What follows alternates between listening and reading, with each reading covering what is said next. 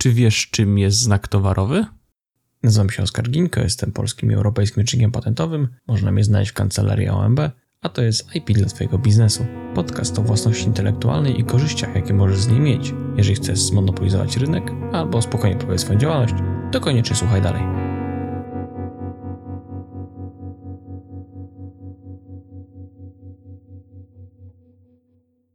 Dzisiaj będziemy rozmawiać o znakach towarowych. Mówię będziemy, ponieważ mam gościa, który będzie mnie wspomagać. Ze mną jest Agnieszka Sobieska, która jest rzecznikiem patentowym i na co dzień zajmuje się znakami towarowymi. Dzień dobry. Zacznijmy może od y, najprostszego pytania, no, nawet nie takiego najprostszego, ale podstawowego. Co to jest znak towarowy? Znak towarowy jest to oznaczenie, które służy do odróżniania towarów i usług jednego przedsiębiorcy od drugiego przedsiębiorcy, mówiąc najprościej. Czyli znak towarowy, jego podstawową funkcją jest funkcja odróżniająca, tak żeby odbiorca, ale też inni przedsiębiorcy byli w stanie mm, przypisać ten znak do, danej, do danego przedsiębiorcy Okay, funkcjonującego w przestrzeni publicznej. Czyli Coca-Cola, Warta, e, Radio Z, Tak e, Apple. Apple, Google, wszystkie Tak. te oznaczenia. Ok, a czy to musi być e, oznaczenie graficzne, czy w ogóle słowne? Nie musi to być oznaczenie ani słowne, ani graficzne, chociaż to są najpopularniejsze formy znaków towarowych. Oznaczenie słowne, oznaczenie słowne lub słowno-graficzne, logo, ale też mamy tak zwane znaki niekonwencjonalne. I to są już znaki, których w formie graficznej przedstawiać nie trzeba, chociaż do niedawna taki wymóg istniał. A czy możesz podać proszę przykład y, znaków takich niekonwencjonalnych, które rzeczywiście są w obrocie, których się używa, które były zarejestrowane? E, tak, przykładem takiego znaku jest na przykład znak e, przestrzenny. Są to e, znaki towarowe, które składają się tylko z e, jakiejś tam wizualizacji towaru. Na przykład butelka Coca-Coli jest przykładem takiego znaku przestrzennego. Mówisz o takiej szklanej butelce. O takiej butelce, która ma w odpowiednim miejscu żłobienia i jest tak charakterystyczna, że nikt nie jest w stanie pomylić tej butelki z napojem innego producenta. Okej. A czy poza przestrzennymi jeszcze są jakieś takie niestandardowe znaki, czy to wyczerpuje nam Nie, ten katalog jest e, dość szeroki. E, Mamy znaki pozycyjne. E, Przykładem takiego znaku są na przykład paski Adidasa na obuwiu, jeżeli już możemy mówić konkretne nazwy, e, albo układ na tarczy zegarka. Znakiem przestrzennym jest też em, wygląd, wizualizacja stacji benzynowej. Ma taki znak zarejestrowany na przykład stacja BP albo stacja Orlen. Okej, a jakieś y, dźwiękowe czy innego rodzaju zmysły też są angażowane do rozróżniania przedsiębiorców, czy to raczej rzadko spotykane, czy w ogóle niestosowane? E, Znaki dźwiękowe z tych wszystkich niekonwencjonalnych, które nie przychodzą nam na myśl od razu, są najczęściej stosowane, bo mamy oprócz jeszcze e, znaków dźwiękowych znaki smakowe albo znaki zapachowe, które są praktycznie e, niespotykane. W Polskim Urzędzie nie są rejestrowane jeszcze. Natomiast znak dźwiękowy jest rejestrowany i jest wiele przykładów takich rejestracji, zarówno w Europie, w Polsce, w Stanach Zjednoczonych jest tego chyba najwięcej, mam wrażenie. Okej, ale chyba te znaki zapachowe i smakowe, wydaje mi się, że one chyba są po pierwsze mało popularne, a po drugie trudno jest potem wykazać w sądzie, że ktoś ma smak, zapach, który kojarzy na pewno ze mną, chociażby ze względu na fakt, że ciężko jest ten smak e, jednoznacznie przedstawić, ująć, opisać. Tak, właśnie takie podejście ma Polski Urząd Patentowy, że znak ten jest trudno przedstawiany w rejestrze, tak żeby dokładnie określić przedmiot jego rejestracji. E, W Unii Europejskiej została podjęta próba rejestracji znaku e, zapachowego. Został on zarejestrowany, chociaż nie bez przeszkód. Teraz już prawo nie obowiązuje, ale był to zapach e, świeżo skoszonej trawy dla piłeczek tenisowych. Czyli w dużym skrócie znak towarowy to może być cokolwiek, co powoduje, że kojarzę produkt, usługę z przedsiębiorcą. Tak, cokolwiek, co pozwoli odróżnić te towary i usługi. Jak rozumiem, nie ma nic powiedzianego na temat, y, mm, na temat katalogu znaków, które w ogóle mogą być używane.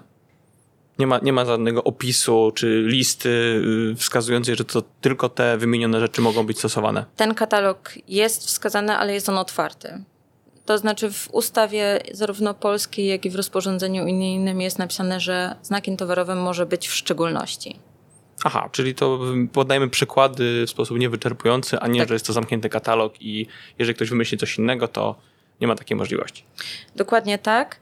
Nie ma zamkniętego katalogu form używania znaku towarowego. W ustawie e, PWP, Prawo Własności Przemysłowej, jak i w rozporządzeniu unijnym są wymienione takie formy używania, jednak jest tam napisane w szczególności. To nam wskazuje od razu, że katalog nie jest zamknięty. Mm, Dobrze, czyli w takim razie można by wyciągnąć wniosek, że cokolwiek może być znakiem. Y, Przypuszczam, y, jestem pewien, że tak być nie może. Czy możesz powiedzieć, jakie ym, przesłanki musi spełniać? No właśnie, to co to chcemy zarejestrować jako znak towarowy, żeby to y, no, rzeczywiście było znakiem towarowym. I to prawda, nie, nie jest tak, że cokolwiek może być znakiem. Znak musi mieć charakter odróżniający. Mówi się o takiej zdolności odróżniającej, która ma em, charakter abstrakcyjny, to znaczy w oderwaniu od towarów i usług. Nie może to być jakaś prosta forma przestrzenna, na przykład kropka. Ona nie pozwoli nam wskazać, że towary oznaczone w ten sposób pochodzą od danego przedsiębiorcy. E, Ale nie musi to być też e, nie wiadomo jak wymyślne oznaczenie. Mogą to być na przykład litery, ale te litery na ogół ubrane w e, jakąś formę graficzną. Najczęściej takie są rejestrowane. Jest też konkretna zdolność odróżniająca i ona już jest w połączeniu z towarami i usługami, w odniesieniu do zgłoszonych towarów i usług. To znaczy, że też ten znak nie może w żaden sposób opisywać katalogu towarów i usług, do, dla, usług, dla których jest zgłaszany. W ten sposób e, jeden przedsiębiorca mógłby monopolizować określenia związane z tymi usługami czy towarami, które zgłasza, a tego nie chcemy robić. Czyli rozumiem, że nie mogę mieć znaku towarowego masło dla masła. Nie, chociaż podobne próby były, były podejmowane. No i mamy teraz e, sprawę z paczkomatem, gdzie cały czas jest próba ustalenia, czy to jest jednak nazwa usługi, czy to jednak nie była w dacie rejestracji. No jak zwykle tutaj jest kwestia subiektywnej oceny mm, eksperta, czy też później e, sądu. Mm, Warto też zaznaczyć, że nie jest tak, e, że zna- oznaczenia, które są opisowe, które połączy się ze sobą, nie mogą stworzyć jakiejś oryginalnej nazwy. Więc e, tutaj zostawiam oczywiście ocenie, jak to jest z paczkomatem mm, każdemu z Państwa, ale, ale warto to wiedzieć. Czyli w dużym skrócie warto przyjść, skonsultować się i w najgorszym razie pomyśleć nad inną marką. Dokładnie tak. Na pewno warto podjąć wszelkie działania przed zarejestrowaniem znaku towarowego, które polegają na przygotowaniu się do, do tej czynności, ponieważ później te wszystkie nakłady finansowe mogą być po prostu mm, zbędne. No Kosztowne, marke- ryzykowne. Marketing y, kosztuje, a Mhm. nie ma sensu promować marki, która no, nie będzie chroniona w żaden sposób. To prawda. Y, No dobrze, to skoro już mamy y, jakieś rozeznanie, czym jest znak towarowy i jakie przesłanki przes- m, powinno dane słowo, logo czy in, inna forma mieć, żeby jakkolwiek wskazywać na przedsiębiorcę, to teraz ważne pytanie, jak długo mogę chronić znak towarowy? Odpowiedź jest bardzo fajna, bo można go chronić w nieskończoność. Natomiast należy pamiętać o tym, że e, co 10 lat taką ochronę należy przedłużać. To znaczy, w momencie e, wydania mm, decyzji o tym, że znak jest zarejestrowany, mm, mamy konkretną datę, kiedy ta ochrona wygasa. To znaczy, to jest 10 lat od momentu zgłoszenia i później przed tym okresem należy złożyć odpowiedni wniosek do urzędu. No, czyli bardzo przyjemnie. Na pewno najdłużej żyjące prawo ze wszystkich praw własności przemysłowej. To prawda, Potem chyba mamy wzory przemysłowe 25 lat, dokładnie. ale w nieskończoność to tylko Tylko znaki Tylko towarowe. znaki. Mhm. Chyba realnie w Polsce około 100 lat żyją najstarsze znaki w tym momencie. No tylko mieliśmy dość burzliwą historię, więc to jest zrozumiałe, czemu nie, nie wcześniej. Natomiast y, pokazuje to, że jednak y, zależy przedsiębiorcom na tym, żeby te znaki były utrzymywane jako zarejestrowane znaki towarowe były chronione. Mm, A powiedz jeszcze proszę, gdzie taka ochrona obowiązuje? To wszystko zależy od tego oczywiście, gdzie zgłosimy, mm, ale możemy mówić o e, zgłoszeniu krajowym. Posłużę się przykładem naszego kraju, czyli o zgłoszeniu polskim. My, jako rzecznicy polscy, możemy również reprezentować klientów na terenie Unii Europejskiej, ponieważ można dokonać zgłoszenia unijnego na, cały, na całym obszarze Unii. I są też zgłoszenia międzynarodowe. Okej. Okay. Czyli zasadniczo mm, znak towarowy jest prawem terytorialnym i jak e, zaczynam e, tutaj myślenia nad swoją marką, to powiem się zastanowić, gdzie będę dostarczać produkt czy usługę i tam to chronić. E, I jak jeszcze jedno pytanie dość istotne. No dobrze, teraz myślę, że chciałbym na przykład na terenie Unii Europejskiej biznes ładnie się rozwija i chcę wejść do Stanów Zjednoczonych. Czy mogę potem rozszerzyć tą ochronę, czy już nie jest to nowe na przykład i nie mogę, jak, jak to będzie wyglądało? No to jest ta różnica między, ponownie, między znakami a innymi prawami własności przemysłowej. Znak y, nie musi być nowy, więc można wejść z tą ochroną na kolejne terytoria, y, niezależnie od tego, ile znak był używany wcześniej na jakimkolwiek innym terytorium lub na samym terytorium, mm, na którym będzie dokonane to przyszłe zgłoszenie. Czyli tak naprawdę wystarczy, że y, w miarę na bieżąco mogę deklarować swoje potrzeby biznesowe i jesteśmy w stanie to y, w miarę sprawnie, na bieżąco rozszerzać i nie musimy o tym myśleć z wyprzedzeniem wiele lat do przodu. Mm, nie wiem, czy dokładnie bym tak, y, tak ostatecznie powiedziała, że nie musimy o tym myśleć wiele lat do przodu, ponieważ mogą wejść konkurencji, konkurencji na rynek, więc to musimy o tym o to, pamiętać. Bardziej chodziło mi o to, że oczywiście trzeba myśleć na lata do przodu, natomiast mhm. jeżeli nagle mi wyjdzie potrzeba, to nie jest tak, że nie jestem w stanie tej potrzeby zaspokoić na, tej nagłej potrzeby, jej nie przewidziałem. Nas, nic nas formalnie i prawnie nie blokuje przed tym, żeby zgłosić znak towarowy już po wieloletnim używaniu znaku. Mm, oczywiście zgadzam się z tą, że jak najbardziej myśli do przodu. Y, bardzo mi się ostatnio podobał przykład y, z Japonii, gdzie wyszło PlayStation 5 i mieli właśnie problemy ze znakiem towarowym, ktoś tam w złej wierze zarejestrował, to dla świętego spokoju zarejestrowali PlayStation 6, 7 i 8 które wyjdą gdzieś w najbliższych 20 latach. Więc yy, myślą bardzo mocno do przodu. Natomiast wydaje się, że jakby po prostu się otworzy nowy rynek, to równie dobrze mogą na ten rynek wejść, jeżeli go nie przewidzą. Czyli myślimy, ale tak. jesteśmy otwarci na okazję. Dokładnie tak i to jest e, coś, możemy nadmienić, może później o tym jeszcze porozmawiamy, o tej różnicy między znakiem zarejestrowanym a niezarejestrowanym. Natomiast e, rejestracja znaku pozwala nam właśnie na takie myślenie do przodu, bo chronimy coś, co będzie używane dopiero w przyszłości, ale pamiętajmy też o tym, że ten wymóg używania się pojawi. Więc to nie może być um, znak, który zarejestrujemy na 15 lat przed rozpoczęciem jakiejś tam działalności albo przed wydaniem danej gry, bo jednak tam jest okres pięciu lat, e, kiedy ten, mm, mamy ten czas taki ochronny dla nowych zgłoszeń, można tak to nazwać. Czyli można powiedzieć, że te wszystkie um, wydania historyczne z dawnym logo gdzieś tam poniekąd służą odnowieniu tej ochrony i pokazaniu, że się tego znaku rzeczywiście używa. Tak może być. Tak może A jak już przy tym byliśmy, e, powiedz proszę, jak jaki jest y, sens rejestracji, ponieważ są niezarejestrowane znaki towarowe, mhm. przecież mogę prowadzić działalność gospodarczą bez rejestracji znaku. Mm, nie jest powiedziane, że muszę zarejestrować, żeby jakkolwiek sprzedawać usługi czy towar. E, mamy też ustawę o ochronie uczniów konkurencji, gdzie no, mówiąc y, dość potocznie, podszywanie się pod kogoś no, może być egzekwowane w sądzie, można, można takiego naruszyciela w dużym uproszczeniu e, naruszyciela e, można e, później w sądzie próbować egzekwować i wymuszać na nim, że przestał to robić. W takim razie pojawia się ważne pytanie, po co rejestrować, skoro teoretycznie wychodziłoby, że mogę w inny sposób dochodzić swoich praw. Oczywiście, masz rację, jest ten artykuł 10 ustawy o zwalczaniu nieuczciwej konkurencji, który chroni też oznaczenia osób, które znaków swoich nie zarejestrowały. Natomiast jest różnica między dowodem tego, że posiada się prawo, a koniecznością dowodzenia tego, że to prawo się posiada. I wychodzi najczęściej taka potrzeba pojawia się w przypadku jakiegokolwiek sporu.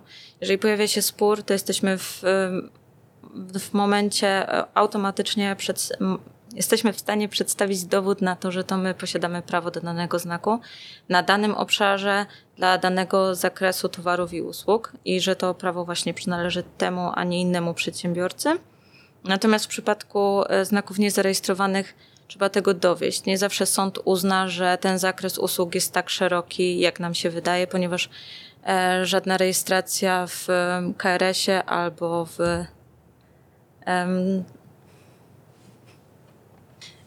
żadna rejestracja w KRS-ie ani w CEIDG e, nie zapewni nam, mm, nie, nie wskazuje na katalog towarów i usług, który jest chroniony naszym znakiem. To jest oczywiście na potrzeby rejestracji danych przed danym podmiotem, ale, ale to nie jest ochrona znaku towarowego. Czyli na dobrą sprawę można, bardzo uproszczając, płacimy za to, żeby nie musieć e, dowodzić później przed sądem, że tak używamy tego oznaczenia, tylko jest to urzędowo poświadczone, że, że taka rejestracja miała miejsce i y, w sądzie nie kłócimy się już o, o ten zakres, tylko pokazujemy konkretne przykłady naruszenia i jest tak. po prostu prościej. Tak.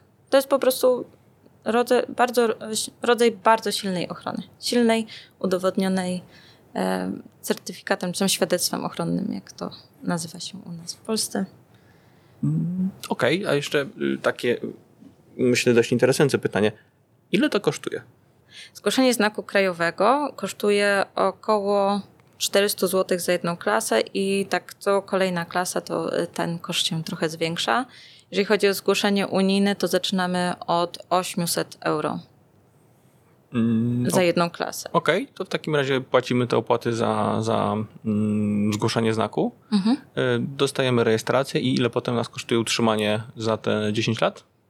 Mm, w Unii Europejskiej to są podobne kwoty. W Polsce płaci się jeszcze za y, rejestrację znaku.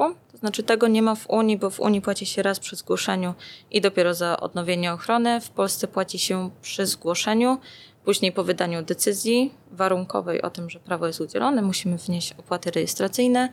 To tak mniej więcej podwaja mm, koszt zgłoszenia i później za 10 lat znowu mniej więcej tyle samo się płaci, ile za zgłoszenie. Czyli mniej więcej 800 zł w Polsce i 800 euro można tak przy zgłoszeniu mhm. i potem. Za jedną klasę. Tak będzie najbezpieczniej powiedzieć, że za jedną klasę. Tak to mhm. wygląda. Tak, jesteśmy przy klasach. Mhm. Co to jest klasa w takim razie, w takim ujęciu znakowym? Co to jest, żebyśmy mieli też y, świadomość, co to jest i czemu to służy? Klasy towarowe i klasy usługowe służą temu, żeby pokazać, jaki jest zakres działalności. Czyli taki sposób ustandaryzowany, Y, możliwie ustandaryzowane, bo tak. z tego, co, co się orientuje, jednak jest y, propozycja, jak mhm. nazywać pewne usługi, towary, żebyśmy wszyscy mówili o tym samym. Czyli jak rozumiem, w sposób y, standardowy, typowy przedstawiamy to, czym się zajmujemy, czy jaki jest nasz produkt, który będziemy oznaczać.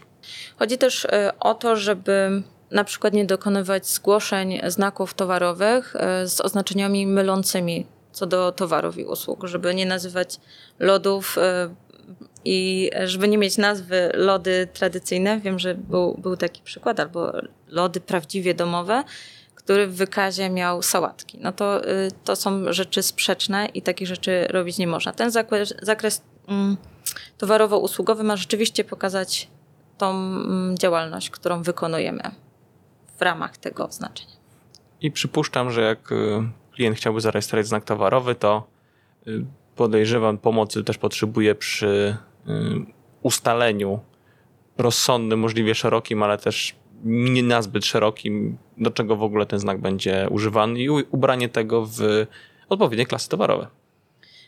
Tak. Mm, no, najlepiej to bardzo dobrze przemyśleć, znowu y, pod względem, pod kątem tego, że tego znaku trzeba używać. Więc dokonujemy zgłoszenia, wybieramy sobie szeroki katalog towarów i usług i płacimy za każdą klasę towarową. O tym trzeba pamiętać, więc y, to zwiększa nasz koszt. Jeżeli okaże się, że zabezpieczamy się na przyszłość, dokonując bardzo szerokiego zgłoszenia, a naszą intencją od początku jest y, działanie w ramach tylko jednej klasy towarowej, to nasze zgłoszenie upadnie w pozostałym zakresie i te pieniądze też będą zmarnowane.